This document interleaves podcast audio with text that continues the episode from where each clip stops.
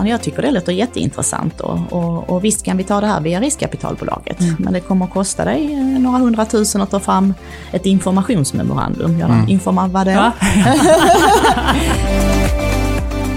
Välkomna till Kvinnor som äger. Den här podden är utgiven av Burenstam Partners och är en podd om entreprenörskap. Vi kommer att träffa kvinnor som äger och driver bolag och få ta del av och inspireras av deras resa från idé till framgångsrikt bolag. Vi som driver den här podden är jag, Linda J Liljesköld och Anders Bok Hallström. Elisabeth Brevensons resa med bolaget Beepsend är imponerande. Men det finns mer bakom personen Elisabeth. Vi kommer få höra om andra resor, bland annat mellan Limhamn och Drager, men också resor till telekommässor i Barcelona, där en Mumin-maskot kan konkurrera med lättklädda spanjorskor. Vi kommer få höra om hur hon lyckas växla upp sin verksamhet från en taxi till en dubbeldäckare och tankarna som sedan leder fram till en exit. Välkommen hit Elisabeth. Tack. Det är jättekul att du vill delta i vår podd Kvinnor som äger. Och vi sitter just nu här på Burenstams och Partners kontor i Malmö. Elisabeth, din resa är så oerhört spännande för att du har ju gått hela vägen. Från att starta och driva eh, bolag, men att sen också göra en exit. Och vi kommer vilja höra allt om detta, men först eh, tänkte vi att prata lite om din bakgrund. Mm. Så, så berätta, var växte du upp och med vem? Eh, jag växte, vi började egentligen resan i Lund, född i Lund. Var där tills jag var tio år gammal och sen så flyttade vi till Malmö. Och anledningen till varför vi flyttade till Malmö det var att mina föräldrar hade startat företag här. Mm. Ett eh, gatukök hade de köpt, så då blev det lite jobbigt med pendling. Så jag kom hit när jag var tio till Malmö. Så mm. jag brukar kalla mig själv för Malmötjej liksom, visst. Mm. Ja. Och mina föräldrar de kom hit till Sverige som politiska flyktingar. Mm. Från? från eh, före detta Tjeckoslovakien, det som numera kallas för Tjeckien. I samband med Pragvåren 68? Eller vad det eh, precis, då var de faktiskt i Österrike och hälsade på min eh, pappas eh, faster. Också min eh, mamma har berättat för svärföräldrarna. Jag tänker själv om ni hade suttit i ett annat land och sen så ser ni att ryssen invaderar landet. Mm. Ja. Och, men de visste ju hur det var innan eftersom det var ja. ockuperat liksom. Ja. Och nu skulle det bli ännu tajtare. Hade ni återvänt eller inte?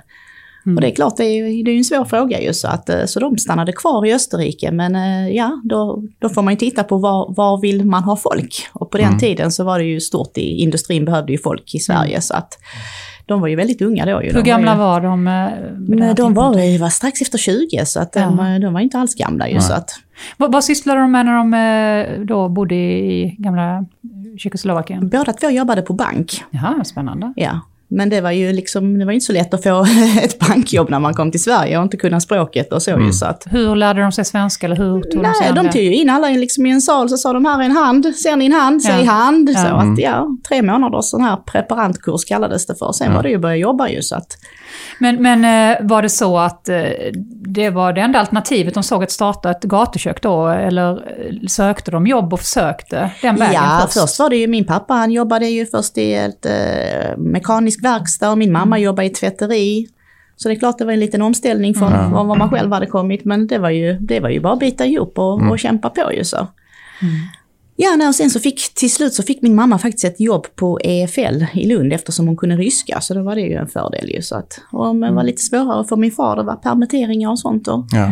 Så det var väl bara helt enkelt liksom en, en möjlighet de såg att, mm. ja, och på den tiden så var ju inte, om man tittar nu hur många restauranger och sånt vi har på 70-talet i Malmö, mm. så sa de ja det var ju Burger King som fanns och så ja. Stippes liksom på kvällarna så att, ja, och alla cyklade till Kockums så att det var ju en, en, en lysande guldgruva så att säga var, på den var, tiden. Var låg gatuköket någonstans? Den låg, den finns inte längre utan det var nära Triangeln så att, okay. ja.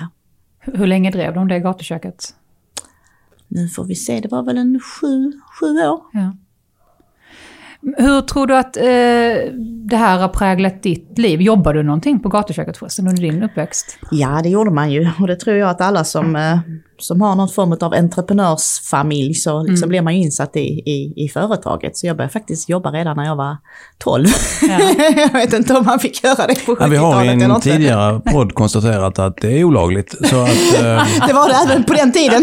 ja. Men men vad, vad, då jobbade du lite på gatuköket. V vad gjorde du sen?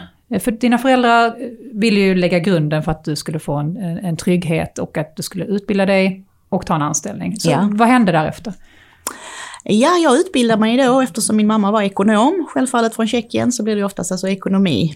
Och jag var ju kanske lite mer kreativt lagd liksom så att så. Men min mamma tyckte då, ja men konstnärer du vet, de, de kommer ju vara fattiga. Och, och marknadsföring på den tiden var ju kanske inte lika stort som det liksom var då. Så Ja. hon tänkte väl inte i de banorna. Så, att, så jag utbildade mig inom ekonomi men jag kände liksom inte riktigt att det var något jag ville, ville göra. Så att, eh, men sen var det ju ändå dags. Det var ju dags, eh, ja, man hade ju tagit eh, examen och sen så skulle man ju ut i arbetslivet. Och då läste jag en annons. På den tiden så fanns ju båtarna som gick mellan Limhamn-Dragör i Malmö. Ja. Mm.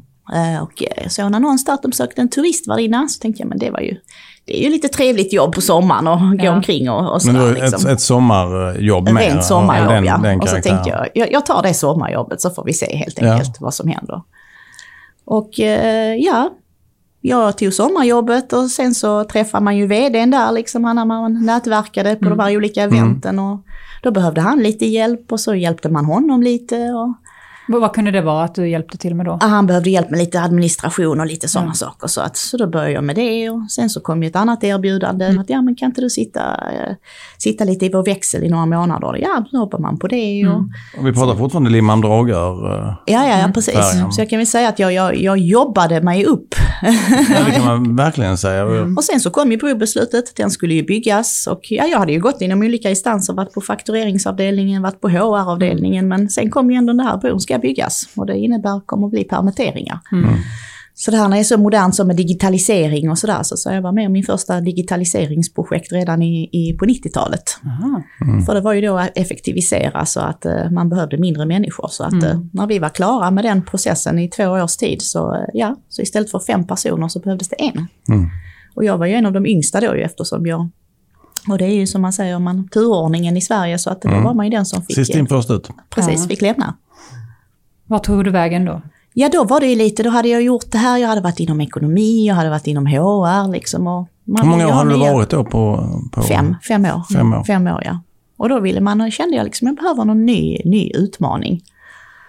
Och eh, ja, då såg jag en annons att man kunde, söka, man kunde utbilda sig med internationell marknadsföring med inriktning mot Prag eller mot Budapest. Det låter ju klockrent. Och då kändes det ju klockrent. Och med annons pratar vi fortfarande annons i en tidning. Ja, på den Ja, tiden var det ju ja. så, platsannons. För de yngre, Kommer ni ihåg? för de ja? yngre Vad lyssnarna kan vi säga att det är, det är ett analogt medium som man kan bläddra i. precis, Och där, och där finns det bilder som inte rör sig. Precis, så det var faktiskt en, en sån platsannons som fanns på den tiden. Så att, eh, men då hade jag varit där som sagt i fem år och jag var trött på liksom allt de här olika sakerna och man vill ju utvecklas hela tiden. Och eh, som ni sa, det här med Prag, marknadsföring kunde jag ingenting om så jag tänkte, nej men jag kommer ju, jag kommer inte komma in på någonting här. Men jag hade ju trots allt tjeckiskan i, i bakgrunden.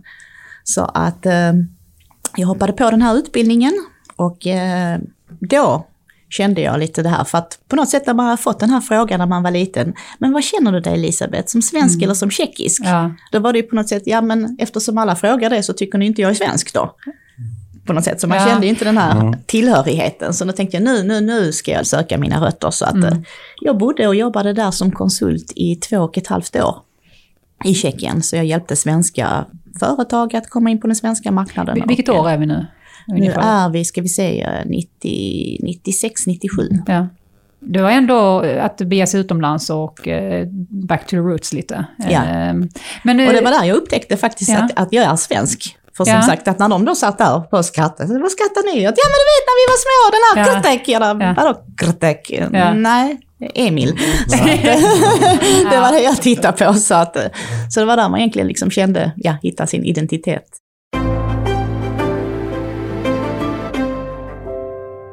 Du grundade ju Bipsend 2006, Mm. som du sen utvecklade till att bli ett internationellt bolag.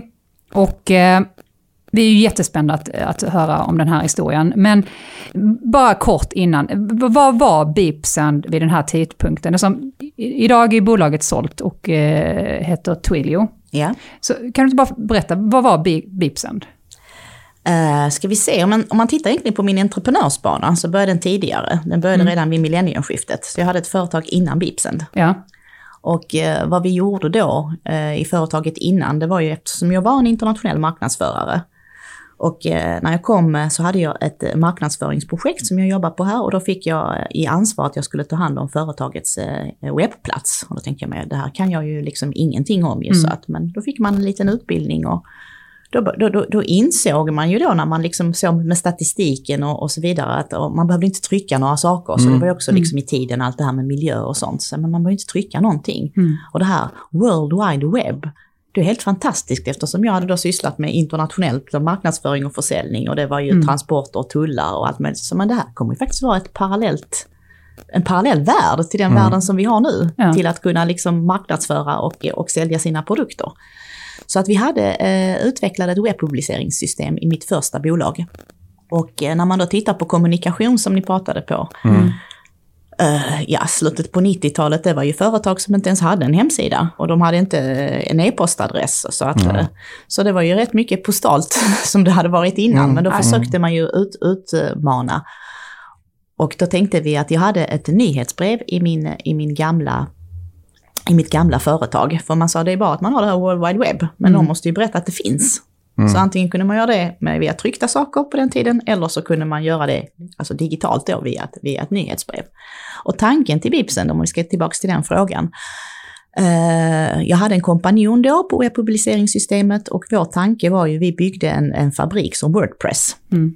Men, eh, och vi var ju så committade båda två, men han kom i en, en liten annan situation privat och tyckte att men det här med det internationella, måste vi verkligen göra det och kan vi inte bara göra lite hemsidor här lokalt? Mm. Och jag kände ju, men jag har ju satsat all min tid och all min kraft under alla de här fem åren, för du ska ju försörja dig själv mm. samtidigt ja. som du skulle utveckla en produkt. Och då kände jag också, nej men jag kan ju inte liksom ha satt all, all min tid, alla mina pengar, all min kraft på att inte göra den där stora saken. Mm. Så att, eh, så det var ju en liten, liten besvikelse då, tänkte man, ja, vad, ska man, vad ska man nu göra då? Så att, och eh, på sommaren då så läste jag en bok om, som eh, handlade om att man inte ska begränsa sig. Vad var det för en bok? Den heter Think and Grow Rich. Jag fick den eh, rekommenderad av en vän. Och egentligen så säger den, ja men har du ingen utbildning, skaffa dig den. Har du inga mm. pengar, skaffa dig den. Liksom. Och var väldigt sådär peppande liksom. Mm. Och kan du inte någonting så, så ju. Så att. Jag kommer ihåg att jag var väldigt så inspirerad efter jag läste den här boken. Så mm. tänkte jag att ja, Elisabeth, om du nu skulle starta ett företag från grunden igen, vad skulle det vara då? Ja. Och då tänkte jag, ja nyhetsbrev, det, det fanns ju redan, men mm. sms var ju en väldigt känslig kanal. Om man säger då innan, eh, om, eh, ja. Mm. ja. Fick man ett sms då förväntar man sig att det skulle vara från en släkting eller från en vän. Kommersiella mm. sms som vi mm. får idag, som med pinkoder och sånt, det var ju utan jag kommer ihåg när någon hade fått ett bara herregud man kan inte skicka reklam till mobilen, den är så mm. personlig liksom. Ja, så att, ja, ja, ja. men så var det verkligen i början. Så var det ju så att, men då, då började jag fundera, tänkte jag okej okay då, men vi har ju det här verktyget man skulle kunna komplettera det med en sms-funktionalitet ja. och, och, hur skulle man marknadsföra det här så att ja. Och då hade man ju fått lite erfarenhet som företagare så mm. man började göra en liten budget och det krävdes ju teknik och servrar och sånt där så när jag mm. hade gjort färdigt min budget så såg jag att det var ju några miljoner som mm. behövdes för att dra igång det här projektet. Och... Du, vi ska bara pausa lite där, för jag tror vi ska backa bandet lite i, mm. till innan. För att vad du gjorde, det var ju att du utbildade dig inom teknik och digital media. Ja. Precis innan IT-bubblan. Man pratar om att IT är en fluga, eller internet är en fluga, eh, du går och utbildar dig det var ju det här projektet, jag hade ju fått en, en, en, eh, vad ska man säga, några dagars utbildning för att ha hand om det här, eh, den här hemsidan för det här företaget som jag jobbade. Mm. Och då kände jag bara, alltså jag vill veta mer det var ju, det var ju, det här är ju det, här är ju det som kommer komma, liksom, mm. kände man. Det, det finns ju inget annat. För webbolaget startade ju egentligen i brinnande alltså, IT-kris. Ja. då ju. Ja, att, det gjorde jag ja. ja. Men det var ju som sagt, jag kände bara, nej men jag vill, jag vill veta mer. Och det var ju innan det här uttalandet kom om att internet bara är en bubbla. Så då ja. var, jag kommer ihåg då när vi, när vi var på utbildningen, man hade ju fått, när man hade praktikplats och alla var lovade jobb. Sen kom ju så att säga IT-bubblan så att mm. säga. Och eh, då var det ingen som plötsligt fick jobb kan ju som ren kuriosa säga att de lokalerna vi sitter här på Burenstam Partners i Malmö tillhörde Framfab vid millennieskiftet. Mm. Så att här då på Västergatan i Malmö hade Framfab sitt Malmökontor. Så att uh, vi sitter mm. ju mitt i liksom centrum. Visserligen i ett 1400-talshus, men ändå. Det har ju mycket nutidshistoria inom de här väggarna Precis. också. Precis. Vi gjorde faktiskt studie, nu när du säger det, vi gjorde ju studiebesök på Framfab då när vi mm. gjorde utbildningen och det var ju bara wow liksom så. Så stort ju. Men, men eh, vad, vad jag kände då var liksom att, nu, nej men herregud, nu har jag utbildat mig här i över ett års tid. Och vad ska jag göra då? Då ska jag gå tillbaks till och söka någonting som jag, som jag inte ville. Så arbetslös var man ju ändå eftersom man gick den här utbildningen. Och Mm. Då fick man ju starta eget bidrag på den tiden, så, Mm. i sex månader. Och, Mm. Och då satt jag och tänkte på, ja men nu har du ju välja på att strunta i det du har utbildat dig, eller så får du ta den här liksom, chansen och, och, och prova helt enkelt. Så att Mm. vara arbetslös och, och stämpla i sex månader, eller, eller... eh, jag brann ju verkligen för det här, för jag Mm. tänkte, jag, det spelar ingen roll att någon säger att det här är en bubbla, det är det inte. det här är framtiden. det kan jag säga och jag med- hade ju med kontakt säkerhet. med många Ja. företag eftersom jag hade hållit på med, med det här eh, kontaktskapandet mellan tjeckiska och svenska Mm. företag. Så att det var ju bara att gå igenom hela registret och sånt där. Ni behöver en webbplats, ni behöver detta, ni behöver detta. Så Mm. att, eh, Direkt då eh, efter dina studier så startade du det här webbolaget. Eh, och var det där du, du finansierade det via det här startup? Eh, ja, man hade ju a-kassan där och sen Ja. var det ju att se till att försörja sig själv och, och de som jobbade, för vi jobbade ju i ett team ju. Så, Ja. att, så det var ju, det var ju tuffa, tuffa år ju så att säga. Ja. Så man la ju, la ju alla sina besparingar och det man inte fick ihop fick man ju ta från, från sina besparingar under tiden. Så att, men du tog in en delägare även där i det bolaget? Eller Eh, berätta lite Nej, om han, min delägare var faktiskt min lärare. Jaså? Jaha, när jag hade läst tekniker för digital media. För mig var det, ja, men jag, det här med användarvänligheten kan jag, det grafiska liksom kan jag, men det här med att koda var aldrig min grej. Mm. Så jag behövde ju en, en kompanjon i detta, så att, och då, då, ren tillfällighet liksom, vi träffades och frågade jag vad gör du nu? För att han, han eh, var ju lärare därför han var student. Ja. Så att han är inte heller eh, något sådär direkt. Så, att, så Ja. vi började prata lite och så ju. Så han satt och kodade och eh, ja, själv så stod man då för försäljning och så hade man ju lite, ja, så började man bygga upp. Ju större man blev desto fler personer fick man ju in i bolaget. ja. Ni hade lite olika idéer om Mm. vart ni ville Ja, eh, utveckla lite. Ja så, där, så då tog jag en diskussion med honom och då sa jag till honom att eh, om man tittar på lite med, med, när man programmerar så är det lite som upphovsrätt ju, liksom när man har skrivit kod ju. Så att, Mm. Och vi hade ju haft eh, anställda som hade gjort eh, nyhetsbrevsfunktionen och så då min kompanjon stod för det här webbpublicering som vi egentligen hade byggt i fem års tid. Och han ville ju fortsätta att göra de hemsidor så att säga, Mm. så att, och ville inte på det här internationella. Då sa jag, men då får vi, då får vi helt enkelt gå skilda vägar. Mm. Och de systemen vi hade var ju så sa jag, okej du är ju upphovsman till det här med eh, webbpubliceringssystemet. Mm. Så att, eh, och, ja, och sen har vi det här nyhetsbrevet. Så att Mm. vi bestämde oss för, men då delar vi upp det på det sättet. Mm. Så att, Och sen grundade du Bipsand. Ja, det gjorde jag. Eller så att säga, eh, jag hade ju lite problem eftersom jag inte hade, jag hade ju inte några miljoner. Och jag Nej. visste ju att, eh, att komma till, till banken då liksom med, med att bara haft en lägenhet som, eh, som garanten skulle man skulle man aldrig få de här pengarna. Så att, Ja. Och den här boken återigen, begränsa dig inte. Så tänkte jag, hur ska, hur ska man göra det här? Det hade jag ju aldrig gjort innan ju. Så att, men då ringde jag en, en gammal vän som var advokat. Han hade precis blivit ordförande i ett riskkapitalbolag. Ja. Och eh, då ringde jag till honom och så förklarade jag situationen. Han hade tagit fram aktieägaravtalet Mm. när vi då startade det första bolaget. Ju. Så, att, så sa jag, ja men jag har en idé det här med... Och så förklarade jag min idé. Och då sa han, jag tycker det låter jätteintressant och, och, och visst kan vi ta det här via riskkapitalbolaget. Mm. Men det kommer att kosta dig eh, några hundratusen att ta fram ett informationsmemorandum. Jag Mm. informa vad det. Va? ja, men, sånt här prospekt som förklarar vad du ska göra, hur man ska Ja. tjäna pengar och Ja, hela den här ja. biten ju. Och sen så ska du inte glömma, vi, vi, där är vad vi lever på, så vi Ja. kommer ju ta 10% av kapitalet. Jag bara, 10% det var ju hur mycket pengar som helst liksom, tyckte jag då ju. Så att, och så sa han, men, men, men du, du, ja, du har ju själv ett nätverk, sa han. Mm. Liksom. Så sa han, du är ju med i Rotary var jag på den tiden. Så, att, så sa han att eh, men han Sten K Jonsson, han är ju en sån affärsängel liksom, som är i din Rotaryklubb. Kan du Mm. inte eh, fråga honom? Så sa jag, Ja. men, nej, men, nej men det kan man ju inte göra. Liksom. Man kan ju inte gå till någon man känner liksom, och så fråga efter pengar. Och han "Mm, varför inte det? Alltså jag tycker det är en lysande idé och skulle Exakt. då Ja. säga nej så, så Varför Ja. begränsas? Ja, precis. Ja precis, men det kändes Det är det lite, nätverket är till för. Det är precis som man skulle Ja. gå till någon liksom kompis och säga, kan jag få, kan jag, kan jag få låna miljoner utav dig? Det kändes, det kändes Mm. konstigt och det kändes fel. Och jag kommer ihåg liksom att ja, vi hade varit där på Rotary och sen så var han på väg mot stan, vi hade ju kontor mot stallen, så jag bara, "Mm, skulle jag kunna få ha ett litet möte med dig och ha en liten, liten idé? Ja, ja, men han var ju som sagt, han Ett litet möte och en liten idé. Ja, precis. Ett litet möte och en liten idé. Så att, ja, men det kunde vi ju ha då ju. Så att Mm. då, då fick jag komma där, jag kommer ihåg hur nervös man var liksom och sitta där. Bara, så, ja men jag förklarade min idé och sen så sa han, ja men låt mig fundera på det liksom. Så ring igen om två veckor. Så att, eh, och jag kommer ihåg att eh, ja, jag var vid, vid Triangeln och så skulle jag gå mot Stortorget så ringde jag där. Ja, hej, sa jag. Elisabeth. Har du funderat lite på idén? Han där, men Elisabeth, jag tycker det är en lysande idé. Det är klart att vi kör. Ja, Jag kommer ihåg, alltså Wow. det, om någon hade sett mig då när jag gick från, från, från Gustav till Stortorget så skulle Ja. de tänka, tänka, alltså hon är ju på droger för jag gick med ett sånt leende. det var ju ända Ja, upp, det var bara, ah, han sa ja, han sa ja, vad Ja. fantastiskt. Så, att, eh, det är ju faktiskt fantastiskt. Ja. ja, verkligen.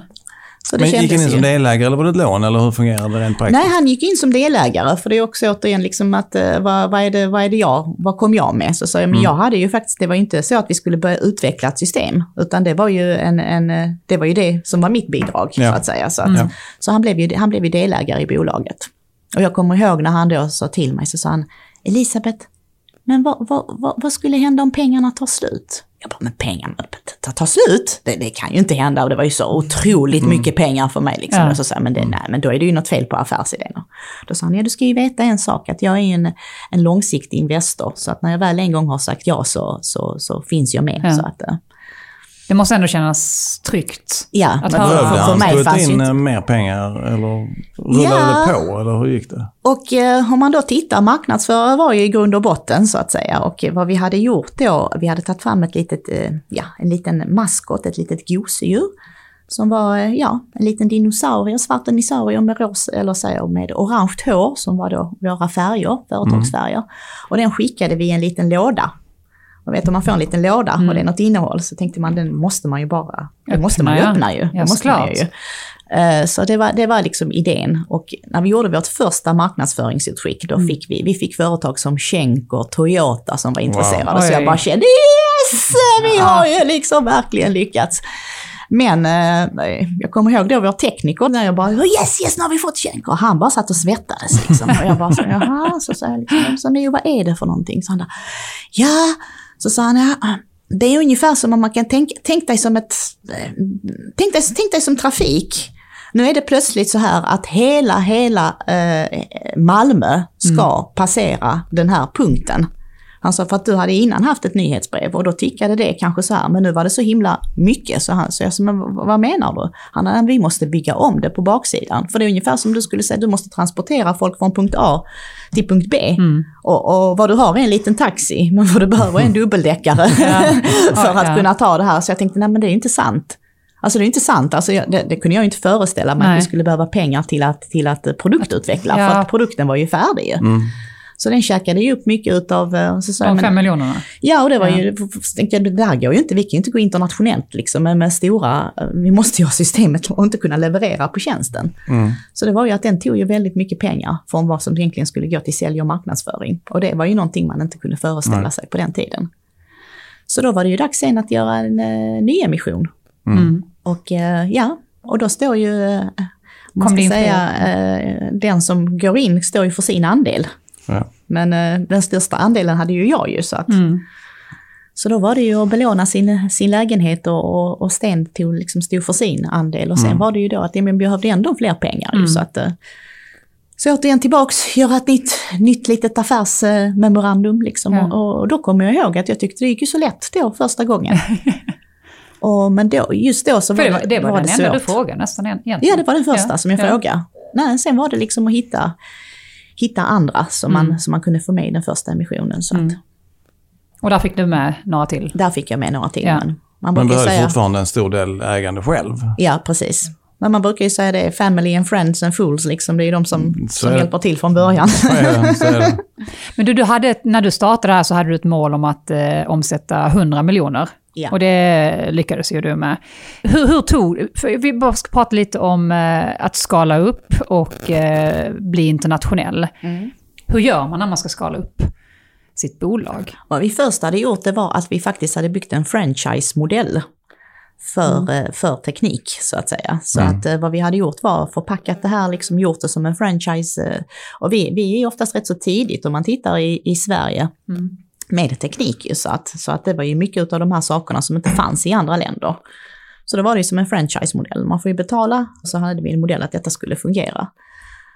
Och vi var färdiga med det här då 2008 och eh, vi hade ju fixat, för att smset var ju inte så stort på den tiden, Mm. utan det var ju, det var ju faktiskt e-posten. Mm.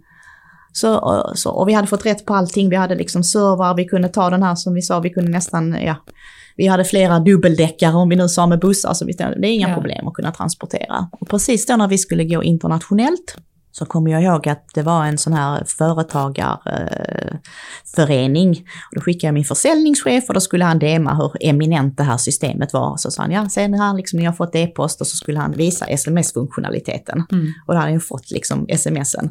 Och så sa han, ja, och så som ni ser nu så har ni alla fått ett sms. Och alla tittar i den här och ingen hade fått ett sms. Så jag kommer ihåg min försäljningschef kom bara så, smsen går inte iväg. Och jag bara tänkte, herregud, jag kan inte själv tänka mig man är i säljsituation Ja, ja. och ska sälja en produkt och bara, Va? Nej, det, funkar inte. ja, alltså jag ringde till vår liksom, leverantör. Rickard, vad är det här? Smsen, de, de kommer inte iväg. Uh, han där, nej, liksom, han där, ja men Tessa, han där, vänta lite, han där, jag, jag provar nu. Jag där, ja, ja, ja, så vi provade liksom, jag där, men, men vad är det som har hänt? Liksom, han där?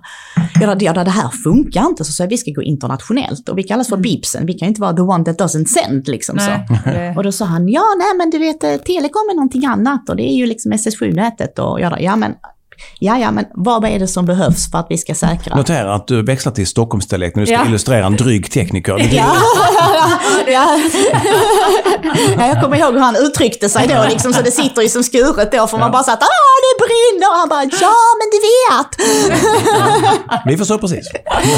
nej, då sa han nej men, nej, men må- då måste man ju ha en server i SS7-nätet tyckte han. Ja, då var jag jaha, så telekomnätet då, jaha, ja, ja, vad kostar en sån? Ah, den kostar tre miljoner. Ja, då, tre miljoner! ja, då är du helt galen! den där budgeten som du hade från början, den... eh, Ja, alltså, ja, och då tänkte jag, men herregud alltså, så, jag, men vad ska jag göra nu då? Alltså jag har ju en budget för internationell marknadsföring. Jag behöver ju faktiskt också den här servern. Men Mm. sen fanns det ju också liksom att man kunde vara i grossistverksamheten så att säga med sms. Och det var ju lite hans tankar. Så sa jag, han var ju precis så som jag, en egen entreprenör. Jag då, Jaha, så sa han, ja, ja, jag ska skaffa mig en sån här så, så server. Jag då, ja, var ska du få de pengarna tyckte jag då. Mm. Du har ju inte ens en du har ju ingenting liksom att belåna. Var ska du få de här pengarna ifrån och sånt ju så att. Nej, så vi tog ett möte så pratade vi lite så sa vi men vi kanske, och en sak också när man själv är egen företagare, det, det är rätt så skönt att ha, ha en kompanjon ändå och ha någon Mm. att, att bolla liksom med. Mm. Så vi sa det, ja men vi kan nog springa starkare tillsammans. Ja. Så vi gjorde en emission och eh, eh, han kom in i bolaget, fick aktier liksom Mm. i, i bolaget. Och sen så plus att vi tog, tog in pengar för, att- för att köpa den här servern och säkra, säkra den tekniken så att Mm. säga. Så på den vägen eh, startade, löste, Ja. vi liksom de Ja. här bitarna. Så ni slapp heta beepsen, the one that doesn't send. Precis, precis. Så att, och plötsligt så befann man sig också inom någonting helt annorlunda. För att om man tittar på nyhetsbrev, hemsidor, det handlar ju mycket om marknadsföring. Och nu var det ju liksom hardcore telekom Mm. Som gällde. Men hur blev ni sen internationella?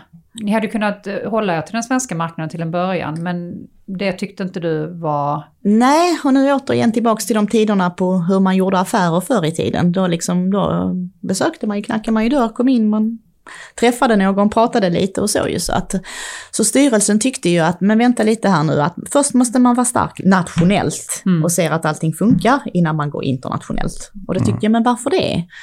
Och nej, men det tyckte inte de. De tyckte först att vi skulle bli starka liksom nationellt. Och då kommer jag ihåg, nu kommer väl stockholmska nu igen för att jag Vad ska du nu illustrera? jag hade en ung tjej som kom ner ifrån Stockholm och Liv hette hon och som var min försäljningsansvariga. Och jag kommer ihåg att hon kom liksom på mitt, in på mitt kontor.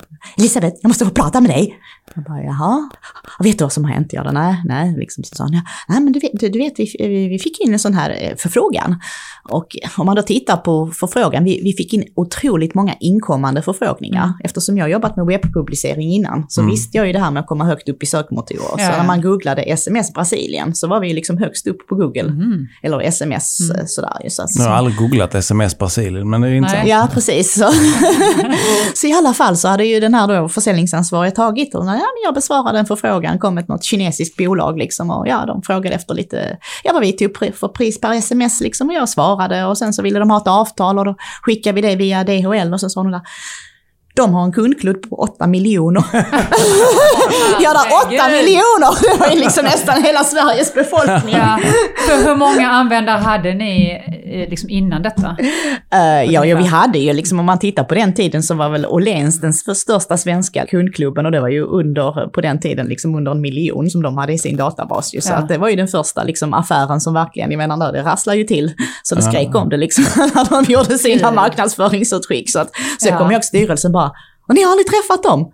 Och, och, eh, och, och, och ni omsätter detta, ni, ni gör de här vinsterna, det är ju inte Ja. klokt. Nej, welcome. De ändrade kanske inställning då till det Ja, här precis, internationellt. Vilket år pratar vi nu, bara så vi får lite ett grepp?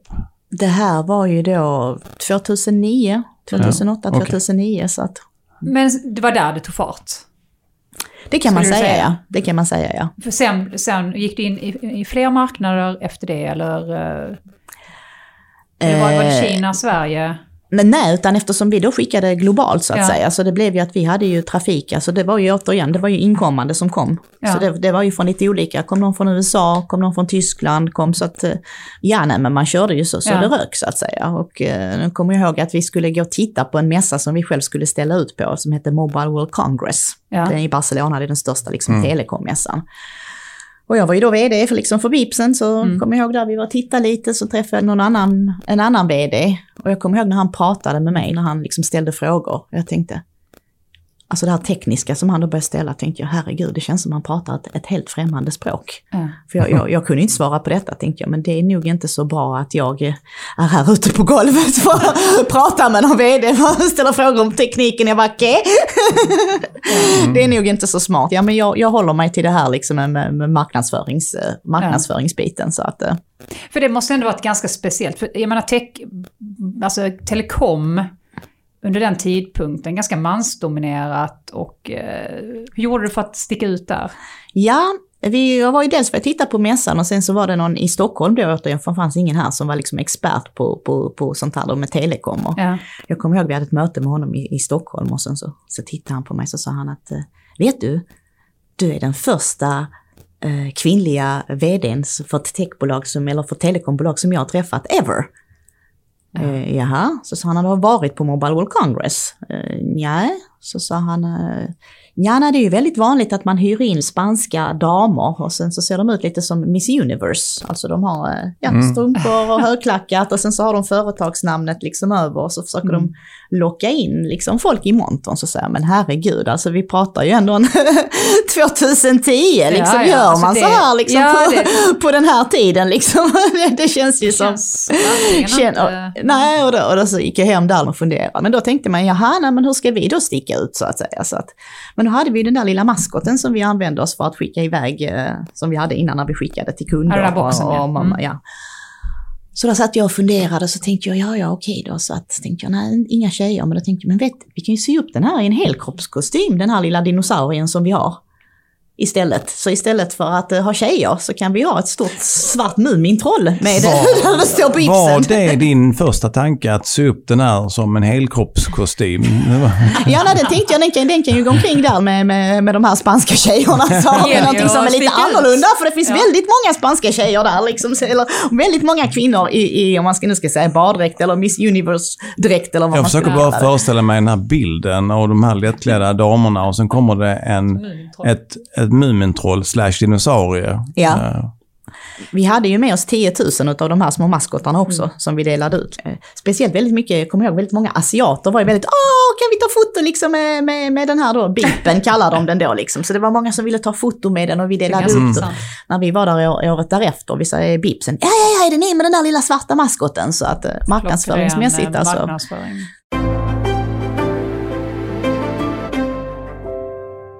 Sen gjorde du exit. Mm, Du sålde bolaget. mm. Det är ju jättespännande. Hur var den processen? Vad, vad, för det första, vad, vad fick dig att komma fram till att du skulle göra en exit? Det var eh, som vi då pratade om att jag blev ju eh, mamma väldigt eh, sent. Utan, jag brukar säga att bipsen var min första bebis, så att Ja. säga. Lika mycket kraft som man lägger liksom på, på, på sitt första barn. Det spelar ingen roll om det är gråter på natten eller kolik, man tar ju hand om det. Mm. Och det var ju samma sak, jag var ju väldigt passionerad och det här skulle liksom Mm. fungera. Jag ville bevisa det för mina finansiärer liksom, Mm. och för mig själv. Så liksom all, all tid och kraft gick till detta. Och eh, då behövde, det var fem IVF-behandlingar som jag fick gå igenom för att, för att få den, den, vår son. Mm. Och då kände jag lite också, då hade vi vunnit otroligt mycket priser. och Det gick, vi hade omsatt de här 100 miljonerna, Mm. vi gjorde liksom bra nere på, på bottom line. Liksom, så att, eh, och då tänkte jag att ja, men det är väl där man ska gå, det är väl då man ska sälja när man liksom ligger på topp. Så, Mm. att, eh, så tänkte jag ska undersöka det här med, med, med försäljning så att säga. Mm. Så att, Hade du fått några förfrågningar? Nej, Eller det var mer initiativ från det var mer initiativet. Du Och sen- kände, kände du dig mogen att, att, eh, Göra något annat? att göra någonting annat eller att... eh, Just då tänkte jag inte så pass mycket, utan då var det bara liksom, nu har jag gått igenom alla de här liksom behandlingarna, nu ska, Mm. liksom få, nu, nu, kommer, nu, nu ska man få barn. Liksom. Att det vore Mm. skönt att ha, ha en paus, Ja. att inte behöva känna detta 24-7. Men utan- startade du processen innan du fick barn eller efter? Eller? Eh, Det var efter, Det var efter, då, vi, mm. då vi började så. Och då är det återigen så ska det fram ett nytt informationsmemorandum. Fast mot investerare då ju så att Men då hade du kvar den gamla filen i datorn så du kunde... Ja, bara skriva-. Ja, nej, den var lite Nästan. annorlunda ju. Sen behöver du ju självfallet eh, någon corporate finance-firma som skulle liksom göra den här biten. Så att, eh, Absolut, de ska Och, tjäna sitt levebröd också. precis, precis. Så att vi hade faktiskt, när eh, min son var liten då, så att då hade vi en köpare som var, som var intresserad. Som, som, och då var det ju tanken att ja, men nu blir det en affär av. Mm. Och då på något sätt så, så, så har man ju ställt in sig på detta. Men då så fick vår finans, eller den som skulle köpa oss, de hade en irländsk bank och den gick i konkurs. Så de fick inte någon finansiering. Så det blev inte någon affär då. Mm. Och då pratar vi... eh, Då är vi 2014 ungefär, någonting där. Och då kommer jag ihåg, för då var det, då var det ju jobbigt ju, för att Mm. på något sätt så hade man ju redan, så såg man, men det här ska jag vara. ja. Och nu så liksom skulle man ju då driva, driva bolaget vidare så att säga. Mm, Du hade Och det- ställt in dig på... Då har man ställt in sig på någonting att hit ska jag, så det kändes ju inte alls, alls eh, roligt och motiverande. Så man, man tror ju bara det här att ja, men bara, bara man har, har bra siffror och liksom så, så kommer man hitta en köpare. Det är, Mm. det är inga problem ju. Så Mm. att, men så vi väntade lite, skulle se om liksom finansieringen löste sig och sen flöt, liksom, flöt, flöt, eh, ja, flöt ut i sanden så att säga. Så, att, eh, så vi tänkte, men vi provar det här igen. Och sen Mm. hade vi en ny, ny då, så att säga, corporate firma. Eh, och det gick inte heller, de höll på jättelänge. Liksom, och så sa jag, men vad var problemet då? För att problemet var ju då att antingen så är man ju så att säga, det man kanske så eh, i startskedet, Mm. eller så är Mm. man i tillväxtfasen. Mm.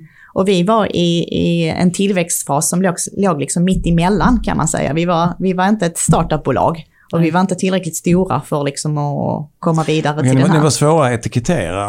eh, Kan man På säga. det sättet. Ja. Precis, precis. Och hur den här exiten kom, utan vi satt och vi, vi gjorde en exit i Twilio ju. Mm. Och eh, vi pratade faktiskt med dem då eftersom vi var intresserade så att, eh, av att sälja. Men eh, då tyckte de ju också, men vad är det som är så unikt med detta? Vi har ju faktiskt 60 utvecklare och de hade gjort, de hade gjort ett förvärv som hade gått dåligt. Mm. Så de menade på, som sa, halva lägret ville köpa och halva lägret ville bygga själv. Liksom. Mm. Så, att, så, så sa de, nej men vi har beslutat för att bygga själv. Och då tyckte vi, ja ja. Ja. men eh, det är bra att ni kan bygga ett system, men ni har inte erfarenhet av telekomvärlden. Mm. Så att vi, vi kanske hörs om en, något år eller något sånt igen, tyckte vi då ju. Och Twilio blev ju noterade, Mm. fick Uber som kunder. Mm. Och eh, det finns ju skillnad, jag brukar säga det finns ju skillnad på sms, och affärskritiska sms och marknadsförings-sms. Mm. Ett marknadsförings-sms eh, behöver ju inte komma exakt. Nej. Om du har fått ditt Åhléns-utskick eller vad det nu är från någon kundklubb, om du får det klockan 12 eller kvart över 12 är inte så viktigt. Nej. Men när du står och väntar på din Uber-taxi och det regnar, då vill du ju gärna ha besked. Ja, ja, det vill man ha omedelbart. Så de var ju våra kunder, Twilio. Och då var det faktiskt de som, som närmade sig oss Okej. och var intresserade. Så, Mm. att, eh, så det var så det började. Så det var förhandlingar och så. så att, eh, Eh, Men stannar du kvar någonting eller hur? ja, Twilio hade ju redan en VD, så VD Ja. hade man ju, skulle man inte bli ju. Så jag blev ju eh, Director Product Strategy. Ja. Och var det en roll som du kände dig bekväm med? Eller? Ja, det var ju en väldigt spännande roll. Jag fick ju sitta i, med ledningen Ja. i Ja. Twilio liksom helt enkelt och, och titta på de nya produkterna och hur man skulle se på det ju. Så Mm. att, Var det det du ville? Eller hade du egentligen velat kanske göra en helt clean exit och lämna? funderade inte så mycket på det faktiskt just då. Liksom. Men det var ju, jag tyckte de var ett jättespännande bolag. Ja. De var, påminde väldigt mycket om oss, bara att det här var kodform istället för liksom en, en, en mjukvara. Så att, Så att eh, jag fick ju, ja som återigen får då jobba liksom med vd för att Mm. notera ett amerikanskt bolag. Liksom. Ja, det måste ju ändå varit det var ju spännande. jättespännande ju, men man insåg ju där också att om jag skulle, om jag ska göra, när man är då, för det första tidszonen är ju då mot San Francisco är ju verkligen, verkligen liksom, Det är ju nio timmar. va? precis. Så att då började ju mitt jobb mitt, mitt i family prime time Och så med ett litet barn dessutom. med ett Ja. litet barn. Så då kände jag, Som förvisso ibland är uppe vid de tidpunkterna. ja, Ja, det ja. kanske gick hand i hand där. Men då var det ju, då skulle man vara tvungen att relocata liksom till Ja. San Francisco. Och så kändes det då, eftersom jag hade kämpat så mycket liksom, för att få det här barnet, att då ha nanny som ska ta hand om det liksom, och köra det och behöva pendla. Så det, var, ju, det var ju inte alls eh, lika intressant tyckte Nej, jag. Så att den 2000, jag jobbade till 2018, jag jobbade Mm. under två år nästan. Eller. Och sen efter det så, så slutade jag helt enkelt, utan valde att ta den. Nu är du, har du sedan dess varit i en annan fas i livet kan man kanske säga. Ja, och då var det ju som sagt, då hade man ju en hel sån här lista med, ja, till exempel, ja, träna hade man inte gjort så mycket, man var i den här processen, liksom allting som man Är du en människa som skriver och- listor och bockar av? Ja, och så, så reste vi väldigt mycket och vi var i Kina och vi var i Hongkong och liksom, vi var på massa liksom, spännande platser. Då var ju, han var ju så liten då så han gick inte i skolan så det var mycket Nej. lättare, Ja. lättare att resa också. Så, att, så det gjorde vi då, mycket resa 2019 och sen så kom ju, vi tog faktiskt en lång stay också. Så Ja. att eh, Leonard gick på, eh, när han gick i ettan så gick han på Svenska skolan Var någonstans då? i Thailand. I Thailand, så vi var där i tre månader. I Bangkok? Eh, nej, det är på Koh Lanta heter det, så att där har de ju Svenska skolan. Så att, Du, 100 miljoners frågan Elisabeth. Eh, vilka egenskaper krävs för att driva upp ett så fint bolag och gå internationellt och sen göra en exit? Förutom då en kostym. Ja. det är svårt att, ge, ge så generella beroende, det beror på vad det är för verksamhet. Men generellt så får man ju säga att eh, eh, vad, är det som, vad är det som gör dig unikt? Alltså om man nu tittar på vad är det för erbjudande du har som sticker ut? Och sen återigen som vi sa, det här med finansiering är viktigt ju. Hur ska du finansiera finansiera de här bitarna. Och sen skulle jag faktiskt också rekommendera att eh, antingen att du får någon form av mentor som du kan prata med, eller som på den tiden som jag gick då, att man har någon form av, jag, jag fick ju gå sån här starta eget-kurs eftersom jag, jag var arbetslös. De, de där tänker man inte på försäkringar och när man varit anställd så är man ju i sin lilla box ju. Ja, ja. Men alla de här sakerna måste man ju tänka på. Så att antingen kan man ju få det via mentorskap eller, eller via någon utbildning. Det är ju det är Kan du tänka dig bli mentor för fler? Kan du tänka dig att bli inte för Linda? Ja.